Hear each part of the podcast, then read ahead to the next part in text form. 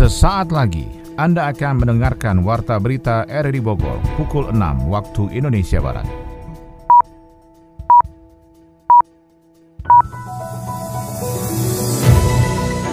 Selamat pagi, salam jumpa. Kami kembali hadir dalam Warta Berita Pagi ini, Kamis 14 Desember 2023.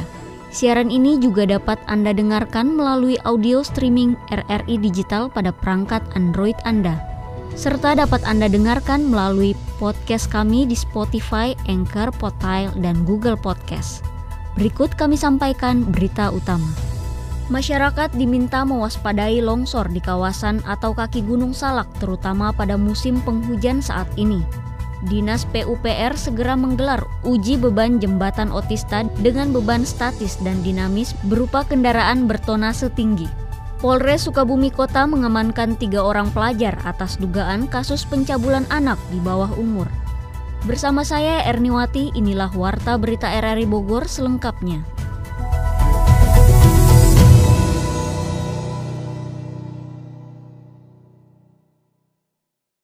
Bupati Bogor Iwan Setiawan meminta masyarakat untuk mewaspadai peningkatan gempa tektonik di Gunung Salak. Iwan pun meminta kepada BPBD untuk melakukan evaluasi dan mengkaji dengan memetakan wilayah mana saja yang akan terdampak gempa. Sementara itu, pemantau pos Gunung Salak Kawasungkawa mengatakan, berdasarkan pengamatan visual, aktivitas Gunung Salak masih normal. Adapun gempa yang terjadi yakni gempa tektonik, Menurutnya yang perlu dikhawatirkan adalah longsor di kawasan atau kaki Gunung Salak, terutama pada musim penghujan saat ini. Untuk itu, pihaknya meminta para pendaki tidak mendaki sekitar kawah. Pemerintah Kabupaten Bogor menawarkan warga terdampak bencana gempa di Pamijahan untuk direlokasi. Selengkapnya dilaporkan Adi Fajar. Sebanyak 30 keluarga korban bencana gempa bumi di Pamijahan, Kabupaten Bogor menempati posko pengungsian. Gempa dengan magnitudo 4,0 yang melanda kampung Garehong, Kecamatan Pamijahan pada Jumat dini hari merusak rumah warga yang akhirnya memaksa ratusan warga mengungsi. Bupati Bogor Iwan Setiawan mengatakan saat ini pihaknya tengah merencanakan upaya relokasi bagi warga terdampak gempa. Pasalnya warga sekitar mayoritas menempati hunian di atas tanah PTPN dengan status HGU. Untuk itu Pemkap Bogor akan memberikan alternatif tempat relokasi kepada warga terdampak. Oh, itu secara geologi memang ada, tapi tadi Pak Kades juga bingung katanya ini kan banyak kan masyarakat ini tinggalnya di HGU, ya, HGU PTPN ya. Nah, ini kita juga masih memikirkan eh, apakah warga di sini mau direlokasi. Kalau mau nanti kita siapkan. Kita juga masih punya berapa hektar tuh di Cigudeg ya. Mau nggak gitu? Sementara itu, Kepala Pelaksana BPBD Kabupaten Bogor Ade Hasrat mengungkap bencana gempa berdampak terhadap 9 kampung di wilayah Pamijahan. Pihaknya masih melakukan kaji cepat terhadap rumah terdampak untuk dilakukan penanganan lebih lanjut. Gempa ini terdampak sudah kita identifikasi terdampak uh, dari gempa berkekuatan kalau tidak salah 4,2 skala Richter yang terjadi jam 2 pagi hari di hari Jumat seperti itu. Kemudian jumlah rumahnya itu ada sekitar 30 rumah yang sudah kita lakukan mitigasi, sudah kita lakukan kaji cepat terhadap rumah tersebut. Ada sekitar 7 yang rusak berat, selebihnya rusak ringan dan sedang. Data dari BPBD total sebanyak 148 rumah yang mengalami kerusakan dengan tiga kriteria, yaitu 113 unit rumah rusak ringan, 19 rusak sedang, dan 7 rusak berat. Dari 9 kampung yang mengalami dampak gempa bumi tersebut, BPBD mencatat ada 148 KK atau 479 jiwa yang terdampak.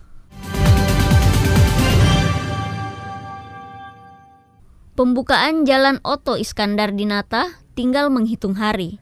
Dinas PUPR akan menggelar uji beban jembatan otista dengan menempatkan beban statis dan dinamis berupa kendaraan bertonase tinggi. Laporan Sony Agung Saputra. Pengerjaan jembatan otista berlangsung dengan adanya sejumlah progres penyelesaian agar bisa segera dinikmati masyarakat. Salah satu pengerjaan yang akan berlangsung dengan adanya uji beban jembatan otista yang sudah rampung seluruh badan jalannya. Kepala Dinas PUPR Kota Bogor Renada Frina menjelaskan uji beban itu berlangsung dengan adanya pengecekan dan pengawasan dari seluruh konstruksi jembatan otista. Dalam uji beban itu akan ada mobil tronton yang melintas hingga mencapai 30 ton. Dan Dinas PUPR bersama vendor pengawas akan melihat apakah jembatan tersebut mampu menahan beban yang sudah menjadi ketentuan. Uji beban itu kita memastikan bahwa jembatan yang sudah kita bangun itu memang sesuai dengan spek yang sudah ditetapkan. Jadi nanti kalau misalnya uji bebannya berhasil, jadi ada batas toleransi terkait dengan uh, apa namanya uh, jembatannya itu melendut atau tidak. Hmm. Gitu. Ketika diletakin beban dalam beberapa waktu, nah setelah diletakin beban atau setelah di, di kita susun itu truk-truknya itu, apakah uh, ada efeknya nggak melendut nggak jembatannya jadi seperti itu itu memastikan nanti dipakai alat alatnya dipasang di bawah dan nanti di atas kayak tripod.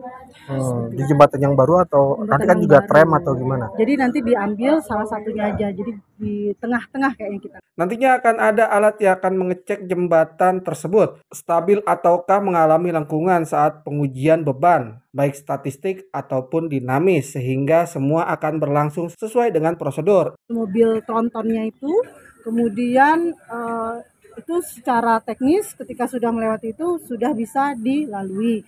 Nah, cuman karena Kami siang ya. Ya, tapi jamnya kita mulainya mobilisasi trontonnya itu di habis zuhur. Trontonnya kekuatannya berapa sih, Bu? Itu Boleh sekitar satu ininya sekitar satu unitnya 30 ton.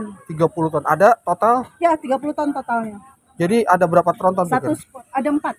Jadi yang tronton. statik, ada yang dinamis, ada yang kosong, ada yang memang sudah berisi. Jadi gitulah itu pokoknya. Oh, okay. Nah, terus peresmian tanggal 17 paginya kita memang uh, kita ada vendor yang untuk khusus pengujian hmm. beban gitu. Jadi memang di memang vendor khusus yang biasa dipakai di oh, jalan tol gitu. Okay. Memang dia spesial uji. Saat ini Dinas PUPR juga melakukan pengerjaan pemasangan sejumlah ornamen di jembatan Otista dengan adanya pengerjaan minor, sedangkan untuk pengerjaan mayor, pengerjaan pengaspalan juga akan menjadi prioritas penyelesaian secara keseluruhan. Pemerintah Kota Bogor melakukan koordinasi dan komunikasi untuk bisa menyelesaikan masalah pembiayaan sekitar 35 ribu warga yang masuk dalam program Kementerian Sosial. Kembali Sony Agung Saputra melaporkan. Pemerintah Kota Bogor dan manajemen BPJS Kesehatan melakukan penanganan peserta jaminan kesehatan warga miskin. Sekda Kota Bogor Saripah Sopia mengatakan saat ini verifikasi data terus berlangsung terutama pada sekitar 50 ribu warga yang menjadi persoalan akomodir dari tingkat pusat dan daerah. Dari data tersebut ternyata sekitar 35 ribu warga masuk dalam program Kementerian Sosial yang saat ini terdapat masalah pembiayaan sehingga pemerintah Kota Bogor melakukan koordinasi dan komunikasi untuk bisa menyelesaikan masalah masalah tersebut sehingga warga terdampak bisa tetap mendapatkan pembiayaan BPJS warga miskin. Dari 50 ribu itu saya bilang petakan dulu seperti apa. Jadi dari 55 ribu itu 30 ribu yang memang di nonaktifkan dari Kementerian Sosial. Uh -huh. Sisanya sekitar 24 ribu sekian itu memang hasil verifikasi kita. Uh -huh. Jadi seperti ada yang sudah meninggal dan pindah alamat, ada yang secara itunya uh, mungkin sudah tidak layak lagi dinyatakan miskin itu ada 24 ribu sekian Hmm.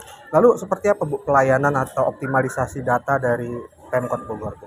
Ya, dari nanti kalau misalnya sudah diverifikasi terutama sih kita akan mencoba memverifikasinya yang yang 30 ribu itu hmm. yang di, dari Kementerian Sosial yang di karena kalau yang dari kita kan itu mah sudah oh, iya. kita verifikasi tapi kalau yang ini ada yang misalnya itu dicoret dari Kementerian Sosial karena ada anggota keluarganya yang sudah bekerja di swasta. Oh. Tapi setelah ditelusuri ditelusuri lagi dia kerjanya kerja sebagai apalah gitu yang enggak masih memerlukan bantuan kayak gitulah. Jadi itu akan kita verifikasi lagi. Sementara itu Kepala BPJS Kota Bogor Jena Sambas mengungkapkan, untuk saat ini pemerintah Kota Bogor dan pihaknya sudah terjalin komunikasi dan koordinasi untuk pembiayaan warga yang tidak mampu. Untuk wilayah Kota Bogor sudah mendapat akselerasi percepatan program BPJS hingga 99% melampaui target nasional sehingga saat ini BPJS Kesehatan menekankan pada pelayanan di fasilitas kesehatan Paskes. Untuk pelayanan di rumah sakit maka BPJS meyakinkan agar penerima manfaat peserta BPJS Kesehatan mendapatkan pelayanan cepat, mudah, dan setara sehingga bisa menjangkau semua kebutuhan masyarakat dalam berobat di fasilitas kesehatan pada semua tingkatan. Kalau Bogor ini sudah 99,70 dari penduduk Bogor itu sudah Pesertanya berapa, Pak? Iya, pesertanya itu totalnya nanti saya ini kan melakukan koordinasi sama Pemkot, ada Bu Sekda hadir, nanti mungkin kalau ini bisa ke Bu Sekda juga. Justru komitmen bersama Pemkot Bogor ini memastikan seluruh penduduk itu pertama terdaftar, kan kalau target pemerintah itu di 2024 itu harus 98% dari jumlah penduduk dan Bogor sudah 99 berarti sudah melampaui sebetulnya. Cuman masalahnya adalah ada masyarakat yang sudah terdaftar tapi posisinya itu tidak aktif. Nah, tidak aktif itu ada contoh yang kita mandiri menunggak dan lain-lain. Nah, kita kalau misalnya itu pasti yang mandiri kita minta untuk membayar iurannya gitu kan. Jadi ada ada ada proses penagihan. Pemkot eh, sejauh ini aman. Aman, ya. Dengan adanya optimalisasi pelayanan BPJS Kesehatan terutama di fasilitas kesehatan seperti rumah sakit dan klinik, maka masyarakat yang menjadi peserta BPJS menjadi lebih terlayani dengan mumpuni. Hmm, Bentar lagi kan kita anniversary nih. hmm, Liburan yuk. Boleh. Asik keluar negeri ya. Aduh, ngapain sih keluar negeri mah? Ah, Di Indonesia kan banyak tempat wisata. Kita kan belum pernah ke tempat yang keren-keren. Jadi bagus gitu loh, Pak, kalau posting di media sosial. Emangnya mama mau wisata ke mana sih? Mau ke pantai? Mau? Itu adalah Labuan Bajo tuh, dijuluki kota seribu sunset. Kalau misalnya mama mau ke cagar alam eksotis, nggak usah jauh-jauh ke Afrika. Kita ke Savana Bekol aja di situ Bondo, yang jadi bagian dari Taman Nasional Baluran. Atau misalnya nih, mama mau trekking kayak tembok besar Cina gitu. Ada. Ada, namanya Janjang Koto Gadang, yang punya julukan The Great Wall-nya Sumatera Barat. Oh, ternyata seru juga ya keliling Indonesia ya. Kapan nih kita berangkatnya? Cinta Indonesia bukan cuma mengenal budaya dan keseniannya saja, tapi juga ikut berkontribusi memajukan pariwisatanya. Liburan di Indonesia aja. Anda tengah mendengarkan Warta Berita RRI Bogor. Polres Sukabumi Kota mengamankan tiga orang pelajar atas dugaan kasus pencabulan anak di bawah umur. Para pelaku diduga sering menonton video tidak senonoh. Adi Fajar Nugraha melaporkan. Polres Sukabumi Kota mengamankan tiga orang pelajar atas dugaan kasus pencabulan anak di bawah umur. Kapolres Sukabumi Kota AKBP Aris Setiawan Wibowo menjelaskan ketiga pelaku berinisial RS 17 tahun, MRS alias F 18 tahun, serta UM alias L 18 tahun dibekuk jajaran Satreskrim di wilayah Kecamatan Lembur Situ setelah sebelumnya orang tua korban melaporkan kepada kepolisian. Hari mengungkapkan aksi pelaku diduga karena mereka sering menonton video tidak senonoh, akibatnya mereka terpengaruh dengan tontonan tersebut sehingga melakukan hal bejat itu.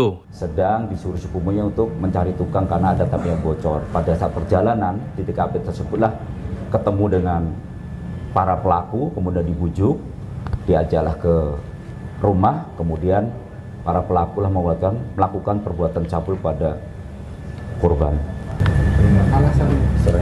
Karena sering menonton film-film ya yang tidak senonoh, itulah dia terpengaruh itu. Ya.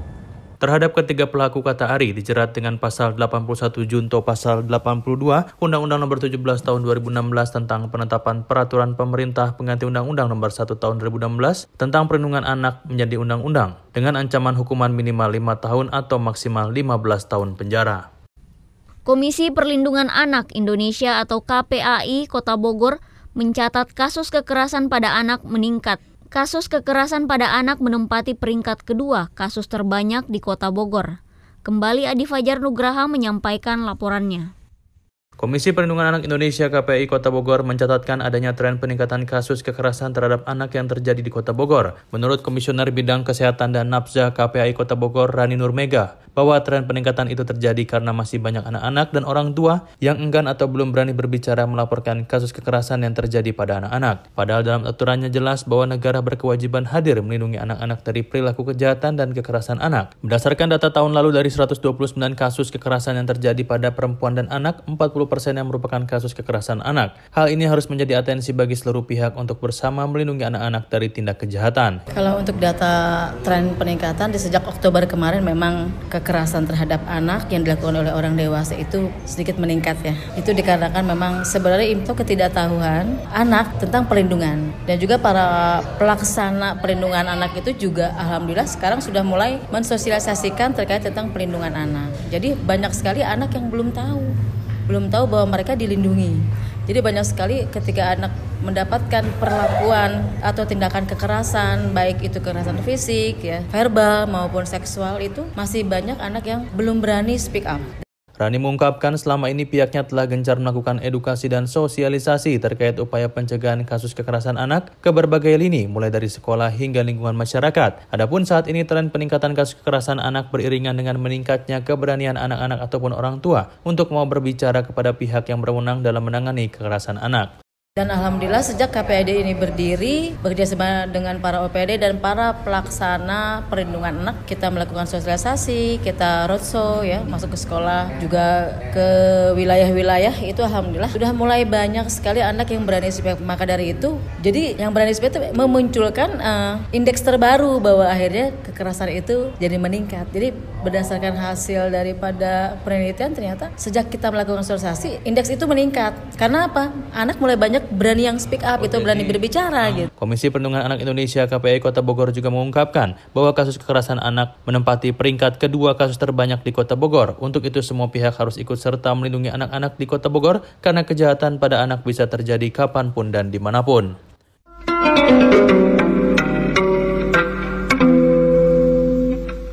Lagu himne Syria berjudul Hymn to Creation menjadi lagu pertama yang dibuat oleh manusia menurut buku Trevor Homer berjudul The Book of Origin. Para ahli dan peneliti di dunia juga mengakui jika lagu ini merupakan lagu pertama di dunia. Lagu ini ditulis dalam cuneiform. Cuneiform adalah bahasa tertulis pertama dalam sejarah manusia. Digunakan oleh bangsa Sumeria di Tenggara Mesopotamia sekitar 5000 tahun yang lalu. Himne Syria diperkirakan telah dibuat 3400 sampai dengan 4000 tahun yang lalu. Orang Yunani kuno adalah yang pertama mengembangkan sistem simbol atau notasi untuk merekam musik.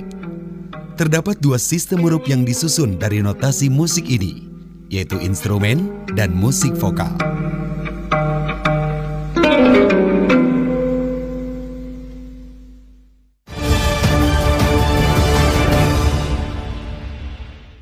Warta Ekonomi Pasca pandemi COVID-19, sebanyak 96 negara terpaksa menjadi pasien Dana Moneter Internasional atau IMF.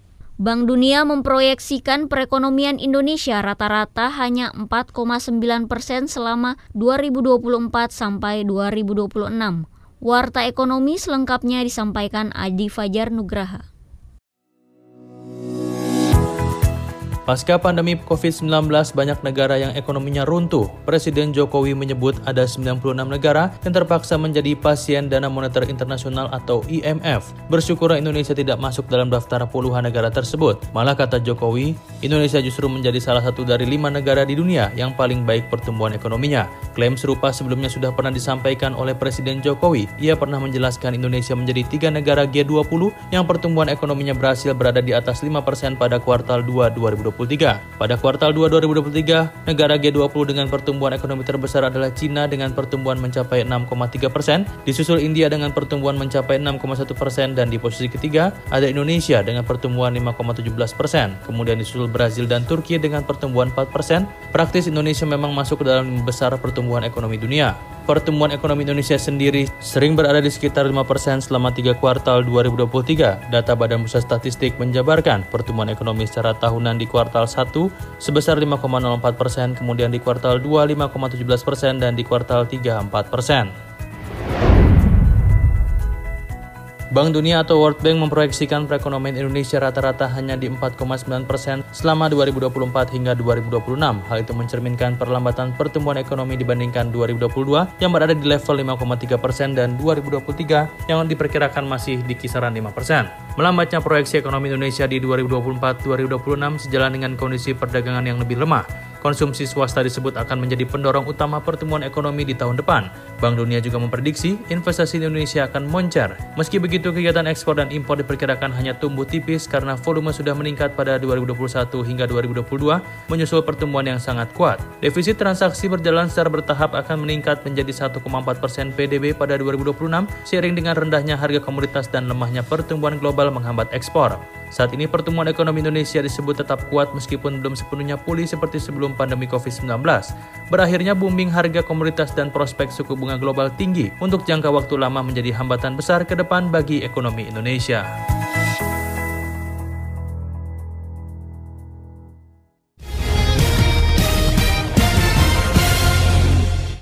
Warta Olahraga Pebulu tangkis tunggal putri Indonesia, Georgia Mariska mengakui kekalahannya atas wakil Taiwan Tai Zu Ying pada BWF World Tour finalis 2023. Manchester United mengakhiri kiprah pada Liga Champion musim ini di peringkat terbawah grup A. Warta olahraga selengkapnya disampaikan Ermelinda Bekata.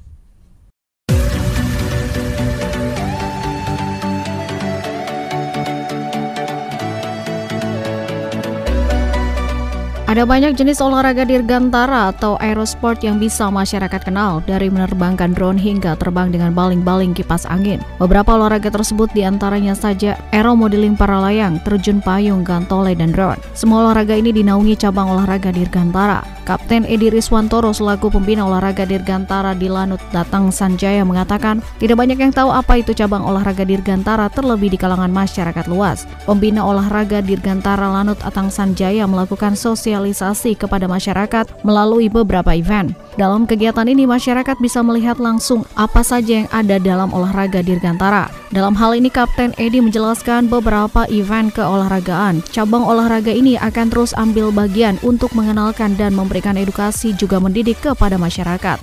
Mereka uh, apa yang di, dari yang dipunya dari ATS untuk uh, militernya juga untuk olahraga dirgantara karena kebetulan uh, TNI Angkatan Udara dalam rangka hal ini ATS itu uh, membawai beberapa olahraga dirgantara di bawah pasif. Apa? Di sini ada aeromodeling, para layang, para motor, dan microlight. Alhamdulillah sambutannya bagus karena memang uh, di samping misi kita juga untuk mensosialisasikan olahraga dirgantara. Kapten Edi Riswantoro mengatakan ke depannya diharapkan olahraga dirgantara ini sudah semakin banyak peminatnya dan juga semakin banyak bibit baru yang bertalenta bisa ikut ambil bagian dalam cabang olahraga ini. Kapten Edi juga berpendapat penyebaran olahraga ini bisa semakin luas jika peran serta orang tua penting dalam membantu mensosialisasikan olahraga ini kepada anak-anaknya. Sementara itu dukungan orang tua terhadap dunia olahraga prestasi juga sangat dibutuhkan selama anaknya masuk di dunia keolahragaan. Hal tersebut juga disampaikan langsung oleh Bupati Bogor Iwan Setiawan. Menurut Iwan Setiawan, peran orang tua dalam mengembangkan kemampuan yang dimiliki atlet sangat berperan penting untuk meningkatkan dan mengembangkan kemampuan yang dimiliki oleh atlet. Yang memodali uh, anaknya berprestasi di bidang olahraga seperti tenis, catur, ya. uh, apalagi ya kayak bulu tangkis itu kan besarnya bukan di klub, tapi dukungan orang tua. Nah ini juga menjadi perhatian pengcap terhadap uh, yang adalah orang. Ini yang, yang jarang ter ini kan, jarang tenis. Menurut Bupati Bogor Iwan Setiawan, hal ini juga sebagai upaya positif bagi perkembangan atlet. Salah satu motivasi bagi atlet dalam mengembangkan kemampuan dirinya untuk mengikuti sebuah perhelatan pesta olahraga yang diperoleh dari luar dan dalam diri atlet. Juga sebagai dorongan moral pemberian fasilitas yang diperlukan atlet berlatih serta sosial lingkungannya. Pebulu tangkis tunggal putri Indonesia Gregoria Mariska Tunjung menyoroti pentingnya keterangan saat menghadapi wakil Taiwan Tai Zuying pada fase grup BWF World Tour Finals atau WTF 2023 yang diadakan di Hangzhou, China pada hari Rabu kemarin. Karena tampil kurang tenang dan lepas, Gregoria harus mengakui kemenangan dari Tai Zuying dua game langsung dengan skor 18-21 dan 17-21. Lebih lanjut, Gregoria mengatakan rasa tidak tenang itu pun terlihat saat ia ragu-ragu untuk mematikan bola. Tunggal putri peringkat 7 dunia itu melanjutkan sebenarnya tidak ada ketegangan yang berarti, mengingat adaptasi di lapangan sudah berjalan baik dari awal. Setelah ini Gregory akan berhadapan dengan tunggal putri nomor satu dunia An Seong dari Korea Selatan pada babak kedua fase grup A ini. Belajar dari pertandingan pertama di hari Rabu, Gregoria berharap untuk bisa bermain lebih tenang dan lepas. Sementara itu Indonesia meloloskan 6 wakil ke BWF World Tour Finals 2023. Pada nomor tunggal putra ada Jonathan Christie dan Anthony Sinisuka Ginting disusul oleh Gregoria Mariska Tunjung yang menjadi wakil di sektor tunggal putri. Lebih lanjut ada Apriani Rahayu dan Siti Fadia Silva Ramadanti yang menjadi wakil Indonesia di nomor ganda putri. Sementara di sektor ganda putra ada Fajar Alfian dan Muhammad Rian Ardianto juga Bagas Maulana dan Muhammad Syobibul Fikri. Manchester United mengakhiri kiprah pada Liga Champions musim ini di peringkat terbawah grup A. Setan Merah pun mengawali tragedi di panggung elit Eropa 17 tahun silam. Manchester United menutup babak penyisian grup Liga Champions 2023-2024 dengan kekalahan dari Bayern Munchen. Menjamu Bayern di Stadion Old Trafford pada hari Rabu dini hari waktu Indonesia Barat, Man United kalah dengan skor tipis 0-1. Gol tunggal kemenangan Bayern dicetak oleh Kingsley Coman pada menit ke-70. Hasil tersebut membuat Man United mengakhiri kiprah pada Liga Champions musim ini sebagai juru kunci grup A. Dari enam laga yang mereka lakoni, pasukan Erik Ten Hag cuma sanggup mengemas 4 poin hasil dari sekali menang, sekali imbang, dan 4 kali menelan kekalahan. Rekor buruk pun dikoreskan Manchester United. Setan Merah menjadi tim Liga Inggris pertama yang menjadi juru kunci fase grup Liga Champions dalam dua kesempatan berbeda. Sebelumnya Man United juga pernah finish di posisi terbawah pada musim 2005-2006 alias 17 tahun silam. Kala itu Manchester United yang masih dilatih Sir Alex Ferguson mengakhiri kiprah di Liga Champions sebagai tim peringkat terbawah grup D.